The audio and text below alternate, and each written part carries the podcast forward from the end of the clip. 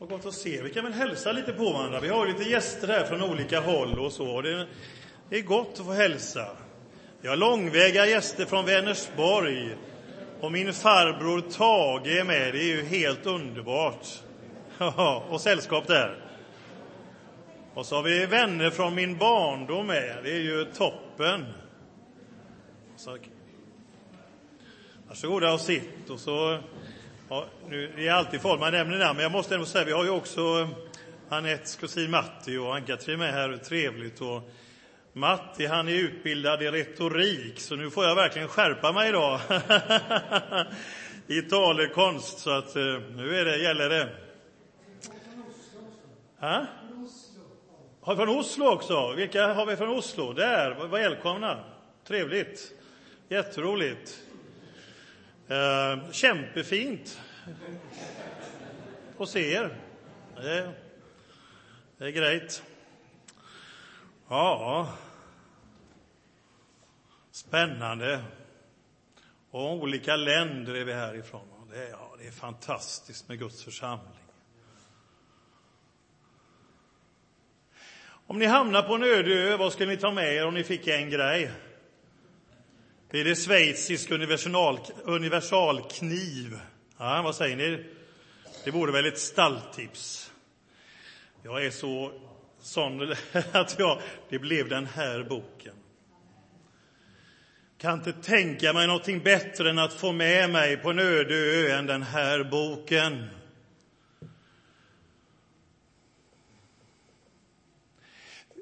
Jag är så otroligt tacksam i mitt liv att jag har fått syssla med den här boken. Också som ett, ett yrke, få lägga ner tid och på heltid få jobba och bearbeta och stöta och blöta och, och uppleva aha-upplevelser. Ni vet, man känner bara smack, det talar rakt in i livet. Och ibland är det som salmisten säger, det är ljuvligt för min gom, sötare än honung. Och ni vet, vi människor, vi är lite idisslande, vi går nästan alltid och tuggar på något, eller hur? Vad tuggar ni på idag? Ja, ibland kan det bli så att man går och tuggar på någon besvikelse eller någonting som gick galet. Men finns det någonting bättre än att tugga på Guds ord? Idissla ordet, tugga Guds ord. Det är fantastiskt.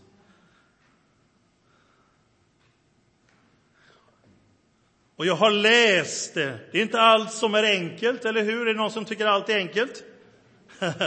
Ni är i gott sällskap med Petrus, aposteln. Han är lite kul. Han säger ett och annat som Paulus skriver är svårt att förstå.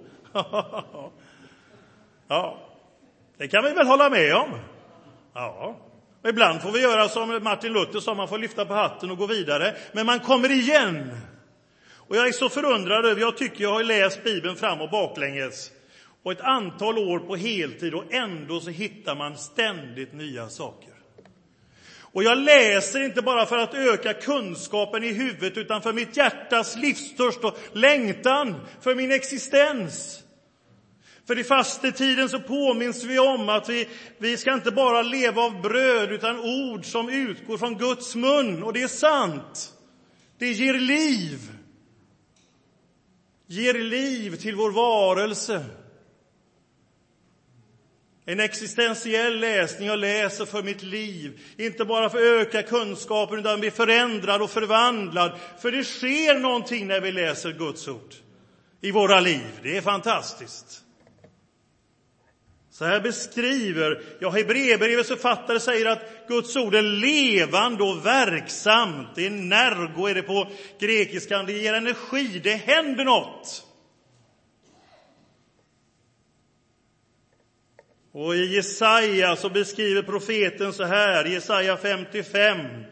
Ty liksom regnet och snön faller från himlen och inte vänder tillbaka dit igen förrän de har vattnat jorden och gjort den fruktsam och bärande så att det ger säd till att så och bröd till att äta. Så ska det också vara med ordet som utgår i min mun. Det ska inte vända tillbaka till mig fåfängt utan har verkat vad jag vill och utfört det som jag har sänt ut det till.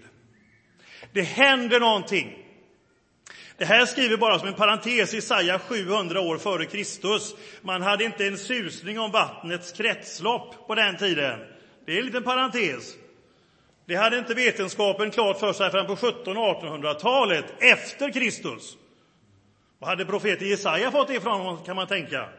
Ja, det vänder inte fåfängt tillbaka, det sker någonting. Det händer någonting. Skapelsens skönhet talar till oss. Guds fingeravtryck. Igår var Anette och jag på orkidéfrossa. Jag vet inte, har ni varit det i Botaniska trädgården ännu? Gå på det, kan jag säga, i orkidéfrossa. 1250 olika arter. Jag vet inte om alla var med, för jag tappade räkningen, men det var många orkidéer. Och vi gick två gånger och sen tänkte jag efteråt naturligtvis vad slumpen är duktig.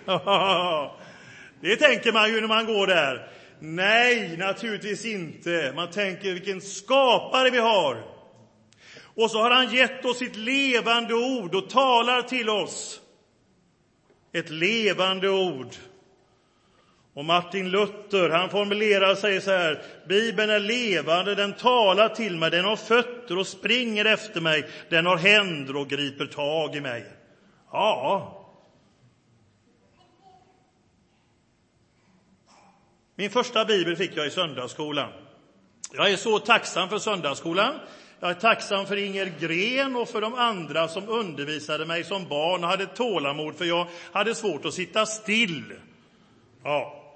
Ibland sa mamma att jag var mer under bänken än på den. jag vet inte. Men det kom in Guds ord, jag är tacksam. Och så fick jag min första bibel. Jag har ju berättat om detta. Jag kan väl göra det en gång till. Att vi fick ju såna underbara minnesversar. Vi stod där nere i gamla Sion och vi var en lång rad som hade fyllt 12 år, skulle få vår första bibel.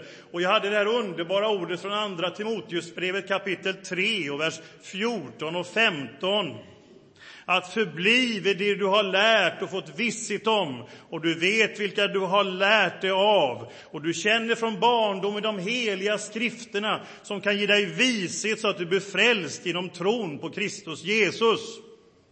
Det var väl underbart? Och det skulle jag läsa och jag hade det helt klart för mig och repeterat och allt. Och sen var jag sist och blev så nervös att jag märkte inte att jag hamnade i fjärde kapitlet och läser högt utan att reflektera i fullsatt kyrka.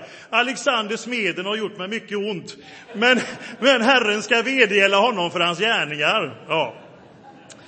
Det mötet hade svårt att hämta sig sen. Men Paul Åsberg sa det var kanske inte riktigt den versen. Nej, det var inte det. ja.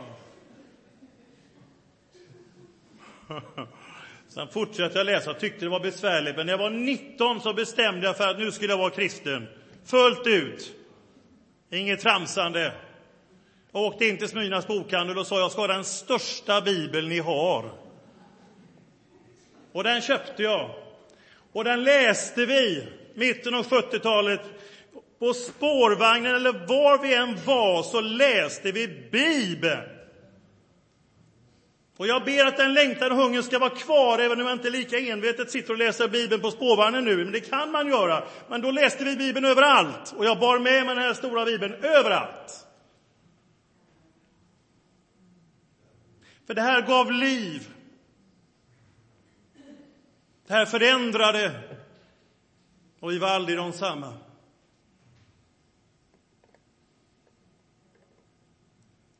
Jag vet inte om ni tycker det är kul att se på någon brittisk deckare, vågar jag säga så? Det är någon som tycker det mer än jag. Ja, var några, det var ju trevligt. Jag tycker om Agatha Christie. Och hennes Shakespeare-skådespelaren David Suchet, som spelar Poirot på ett mästerligt sätt. Han blev en kristen 1986. Han berättar att han på ett hotellrum låg i badkaret och eh, plötsligt fick en stark impuls att börja läsa Bibeln och hittade en gideonitbibel, ni vet de som sprider biblar på hotellrum och på andra ställen. Har vi några gideoniter här idag? Ja, vi har någon med. Fint. Och han börjar läsa, berättar Nya testamentet. Och när han har läst så blir det klart för han ville tro på Kristus och berättar av någon anledning kom den här längtan läsa Bibeln över mig. Det blev den viktigaste faktorn för min omvändelse. Jag började med apostlärningarna och fortsatte sedan med breven, Romarbrevet och Korinthierbreven. Och först efter det läste jag evangelierna. I Nya testamentet hade jag plötsligt upptäckt en väg vi bör följa i livet. Där ligger han i bakhåret. Ja, det kan man göra på ett hotell och så får han en längtan att läsa Guds ord. Och det händer något. Och nu har han spelat in hela Bibeln, 78 timmar, en 27-årig längtan han har haft. Så nu har han läst in hela Bibeln, för han kände att som skådespelare han kan läsa. Och jag vill ge ord, jag vill läsa, ge röst till ordet. Och han säger därför att till exempel Jesaja 28.14 står att uppmaningen lyssna till Guds ord. Och målsättningen med inläsningen, säger han, det är för att folk ska känna att Gud är fantastisk. 78 timmar. Och den här längtan och hungern efter Bibeln. Tänk när vi åkte med hjälpsändningar i början på 80-talet till Polen härifrån, alla kyrkorna. Vi gjorde gemensamma satsningar för att hjälpa människorna där. Och så kom vi med tvättmedel och mat och allt möjligt. Och vad var det de frågade först om, om vi hade med oss? Vad var det? Biblar! Och hoppsan hejsan, sa vi. Det hade vi inte tänkt på första gången. Jaha! Och sen fick det bli biblar. Man fick ju inte ta in det riktigt sådär, så vi fick ha det i botten på tvättmedel och allt möjligt. Men biblar kunde vi inte komma utan. Och när jag har varit i Kina och mött kyrkan där, både den officiella och inofficiella, och vi fick föra med oss biblar. För det längtade man efter. Eller i Vitryssland, där vi också varit. Längtan efter Bibeln, för Guds ord. Vad gjorde ni på julafton 1968, ni som var födda då? Kommer ni ihåg vad ni såg på tv? Jag får, jag får lite glas vatten. Jag vet inte, det var något vatten på gång här uppe. Jag såg inte var det tog vägen. Ja, tack så mycket. Det var något här. Ja, det går bra så. Tack. Tack, det blir jättefint. Vad gjorde ni på julafton? Kommer ni ihåg det 1968? Det var det mest sända tv-programmet då som någonsin har setts alltså, på den tiden. Det var direktsändning från rymden. Det var Apollo 8, Frank Norman, James Lovell och William Anders. De första människorna någonsin att åka en omloppsbana runt månen. Det tog tre dagar att komma dit. Det var nog ganska lång tid på det, om man tänker som det går i, Jag vet inte hur lång tid det tar idag, men det känns som tre dagar var ganska länge. Eh, och så cirklade de runt planeten i 20 timmar. Men då är det direktsänt på julafton 1968 och då säger de så här. Vi har ett julbudskap att framföra till alla jordevarelser, säger de. Och vad läste man då? Läste man Goethe eller Sartre eller Nietzsche eller vad läste man? Nej, man läste ur skapelseberättelsen i den första Moseboken. Alla tre läste. Och eh, rymdtidningen Star skrev sen efteråt tyckte det var bra att Amerikas främsta rymdforskare mitt i nästan fulländad teknologi ändå kunde ha sinne för andliga värden och tro nog att vilja rikta människans tankar till Guds majestät och allmakt. Det läste man. Gagarin hade ju varit uppe förut och farit runt och en ryska han sa att jag var uppe i rymden, jag såg inte Gud, alltså finns han inte. Då skrev Ylva Eggehorn, skalden i Dagens Nyheter, att leta efter Gud i rymden lika dumt som att leta efter bagaren i Bullen, skrev hon. Ja. Han håller ju allt i sin hand. Du kan du vara uppe i rymden och missa. Ja, men de fattade poängen och läser. Och så berättas det att det var en japansk journalist som blev så imponerad av den här läsningen och ringde till rymdforskningscentralen i Houston och undrade var man kunde få tag på texten. Och då frågade personalen, var bor ni någonstans? Då svarade den japanske journalisten att jag bor på ett motell och så nämnde han namnet. Ja, vad bra, sa de. Dra då bara ut lådan i skrivbordet i rummet. Där ligger en bok med grå pärmar. Slå upp på första sidan i den. Där står orden. Aha, sa japanen mycket förvånad. Det var fantastiskt, vilken service. ja.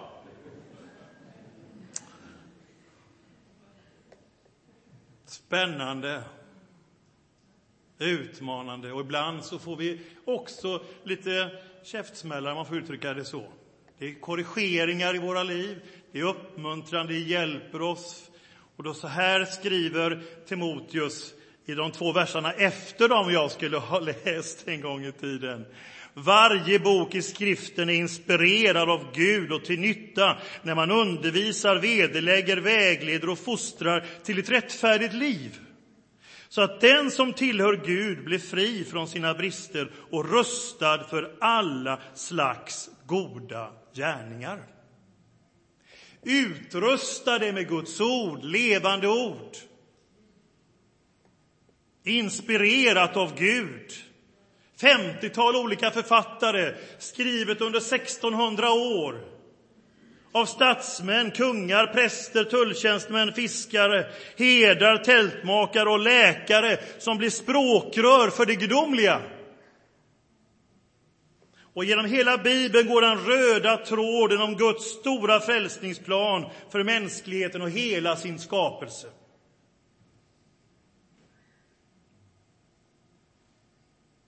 Och det är ingen friserad historia, det tycker jag är så starkt med Bibeln. För vi möter människors erfarenhet med den levande guden. Och vi ser människorna i all sin framgång och allt det de gör som är så fantastiskt. Men även det är med där det går så galet. Det är ingen friserad, tillrättalagd historia, utan det är rubbet. Petrus kunde väl ha tyckt det var skönt att slippa att alla skulle läsa om hans förnekelse hela historien. Tycker ni inte det? Nej, det, det, det, finns med. För det fanns nåd och en andra chans, en andra möjlighet. Det är alltid hoppets budskap. Det var det för David också, som skrev så mycket psalmer och ställde till det så grymt när han begav äktenskapsbrott och skickade den kvinnans man ut i fronten så att han dog. Men det fanns en nåd och förlåtelse för honom när han vände om, också för han.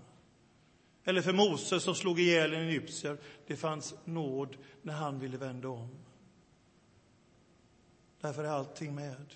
Det är ingen friserad historia. Allt är vackra, allt är sköna. Människors erfarenheter av Gud, men också nederlagen. Vi är människor allesammans i behov av Guds nåd. Ja, kan detta verkligen vara Guds ord? Ja?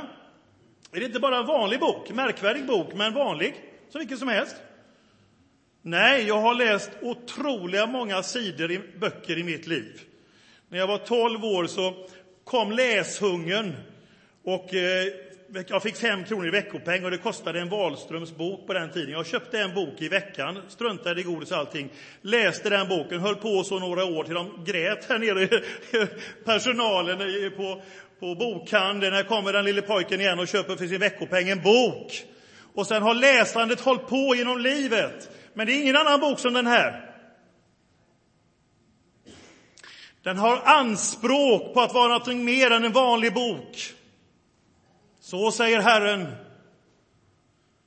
Det stämmer inte med bokens egna anspråk och inte heller på våra erfarenheter av boken att det här skulle vara något bara som vilket som helst, utan det här har vi mött den levande guden. Ja, säger någon, den kanske delvis är inspirerad av Gud, innehåller lite Guds ord, men inte allt. Ja, var hamnar vi då? Då får vi fixa en påve eller något som ska bestämma vad som är eller inte är, eller hur? Eller alla gör sin egen bibel och väljer ut det man tycker. Det funkar ju inte heller. Nej, varje bok är inspirerad, utandad, inblåsning, inandning, ja, det kan användas på olika det här. Inblåst. Och Gud har, det är naturligtvis en gudomlig bok med mänskliga drag, för Gud har använt människorna.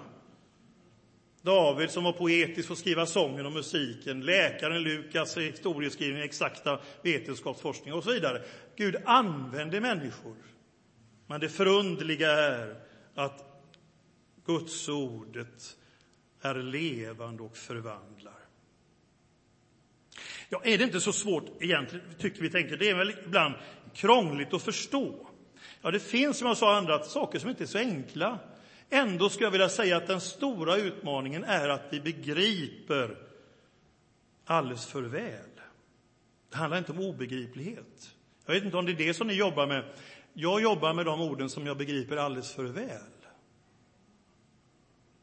som jag inte kan komma undan. Jag beder Fader vår, för Bibeln har alltid en praktisk, ska jag vilja säga, svar på teoretisk fråga. Vad är bön? Och så tänker vi på något fint sådär. Så säger Jesus, så här ska ni be, Fader vår, och så får vi bedja att förlåt oss våra skulder, så som och vi förlåta dem oss skyldiga äro. Där behöver vi ju verkligen Guds nåd, eller hur? Vad är kärlek? Och så kan man filosofera över det. Ja, var du som den barmhärtige samariten. Det är konkret. Teologi skulle egentligen delas upp till te och logi. Vad säger ni om det? Därför att det är praktiskt. Det finns ett gensvar som förväntas. Efterföljelsen. Det är en väg som presenteras i skriften. Och endast den som ger sig av och börjar vandra lär ju känna vägen, eller hur? Det är ju meningslöst att studera och utforska en vägen om vi inte vill pröva den. Jag vet inte om ni såg för, för förra året, tror jag det var, ett engelskt tv-program där man lät människor som inte hade en kristen tradition få pröva Bibelns ord i 30 dagar. Såg ni det? Det var jättespännande. En fick pröva bibelordet att bjuda in en sån Matteusfest, ni vet, bjuda in liksom grannar och så. Och han hade inte haft det så bra med sina grannar och nu fick han pröva på det bibelordet och de hade jätteroligt. En fick åka på retreat. Några fick pröva på att tvätta fötterna på andra människor. Lite ovanligare så, men det finns ju sådana traditioner i Ryssland och så vidare, kyrkor. Och de fick göra det där i, om det nu var i London eller Liverpool eller Manchester det var, tvätta fötterna på människor. Och den hårde skinnknutten från något gäng, han fick komma till Frälsningsarméns matservering och hjälpa och dela ut mat. Och det hände saker när de prövade gudsordet i deras liv på ett väldigt förundligt och spännande sätt. Två saker. Ibland så har människor tänkt sig att budord och bibelord är till för att krångla till det och göra livet så besvärligt och tråkigt som möjligt. Det är väl konstigt? För budorden är ju skrivna till exempel, du ska inte dräpa, du ska inte stjäla, du ska inte bo i äktenskap. Sånt. Brott är ju inte för att trassla till, utan för att livet ska bli så bra som möjligt, eller hur? Hur skulle det se ut om vi inte hade några trafikregler här ute i Mölndal, om alla körde i vilken hastighet som helst och på trottoaren några och några andra? Det skulle ju inte funka. Utan Gud har gett oss för att det ska vara väl med oss. Och då frågar man den främste stressforskaren i Sverige, Lennart Levi, vad är det bästa botemedlet mot stress? frågar de. Jo, sa han, det är tio Guds bud. Jag vet inte hur han har det med tro och Gud, men det var det bästa han visste. Lennart Levi. Tio Guds bud. Tänk på sabbaten, en vilodag i veckan för återhämtning, gemenskap med människor och med Gud. Tänk när Ryssland efter revolutionen 1917 införde tiodagsvecka. Nu ska man jobba då tio dagar och så nio dagar och vara ledig den tionde. Det gick inte alls. De producerade mindre då när man hade sexdagsvecka. Ja. Det finns något förunderligt i skriften. Det är bejakande. Och då vill jag bara påminna till sist om Jesus. Han verkar som han älskade att göra under på sabbaten. Har ni läst? Tänk på det. Det var ju så otroligt provocerande för fariséerna. Men Jesus gillade det skarpt. Man debatterade på den tiden om Gud kunde tänka sig att göra någonting på sabbaten. Därför att i den fariseiska teologin så hade människan blivit till för sabbaten. Hon skulle inordnas i ett stort religiöst system. Det var inte bara skriftens ord om att man skulle ha en, det, utan det var massor av tilläggsparagrafer. Massor av regler man hittat på, rigoröst.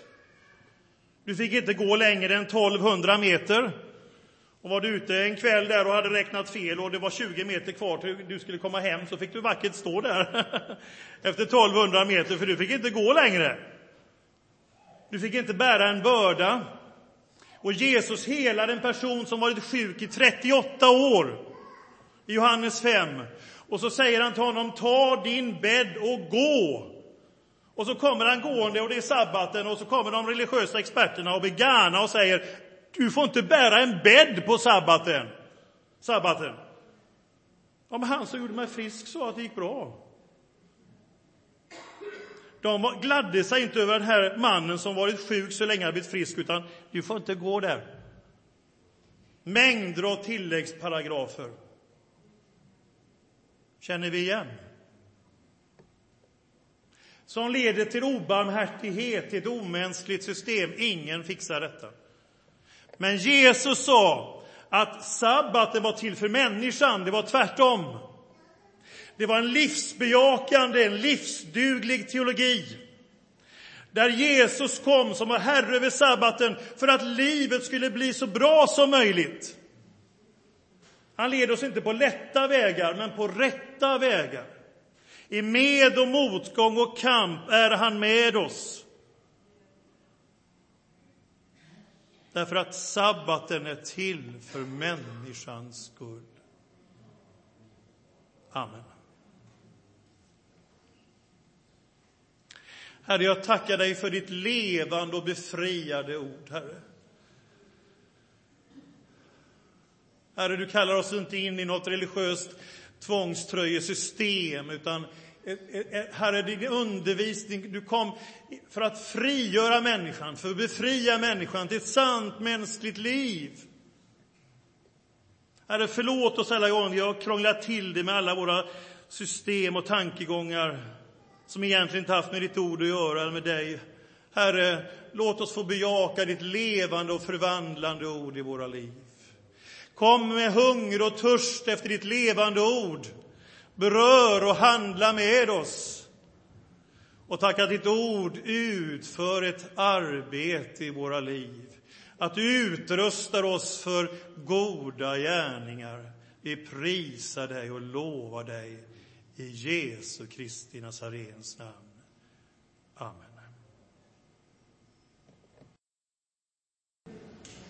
Nu Ingemar, nu ska du få nedbe välsignelsen över oss. Idag är frälsningens dag, säger Bibeln. Så finns du med som ännu inte har tagit emot Jesus Kristus som din personliga frälsare, så ber vi gärna tillsammans med dig sen här efteråt i gudstjänsten. Du kan prata med mig eller någon annan du har förtroende för. Herren välsigne dig och bevare dig. Herren låter sitt ansikte lysa över dig och vare dig nådig. Herren vände sitt ansikte till dig och give dig frid i Faderns och Sonens och den helige Andes namn. Amen. Och nu blir det kyrksaft och kyrkte och kyrkkaffe. Och så ska ni få med er en sång. Orkar ni en minut, två? Jag glömde nämligen, jag vill, jag vill hedra mina kristendomslärare i Smyna i Göteborg när jag var 13-14 år som lärde mig att hitta i Bibeln. Och då sjöng man så här, jag vet att ni har frågat efter sången och nu kommer den och så kan den spelas in. Så får vi se om jag fixar detta sen jag var 12. Fem Moseböcker komma, Josua domar ut, två Samuel, två kungar med krönikor till slut. Sen Esra och Nehemja och Ester träda fram och Jobb och David, salmer har växt på samma stam. Sen har vi Ordspråksboken, predikaren gör väl, så följer Höga visan, Jesaja minns du väl. Jeremia klagovisor från tårarnas profet, Hesekiel och Daniel förtäll Guds härlighet. Osea, Joel, Amos och Badja listan ökt, och Jona, Mika, Nahum, du har väl genomsökt. Sen Habakuk och skrivit Sifania, Hagai, så följer ju Sakarja och sistor Malaki. Och så kommer Jakob på ett annat ställe nu för att det är ändrat, det blir den gamla översättningen. I Nya testamentet finns vatten för vår törst. Matteus, Markus, Lukas, Johannes kommer först. Apostlagärningarna och sen Romarnas brev. Korint, Galat, Efesier, Filipp och Kolosse. Sen Thessalonikerna, Timoteus även två och Titus lilla stycke och Filemon också. Hebreernas epistel av okänd hand vi fått fast många tror att Paulus och skriva har förmått. Två brev har Petrus skrivit, Johannes han har tre och Jakobs brev och Judas är små men mycket ge. Sist följer vad Johannes på Patmosö fick se. Må nu vi tacka Herren som allt av nåd vill ge. Ja.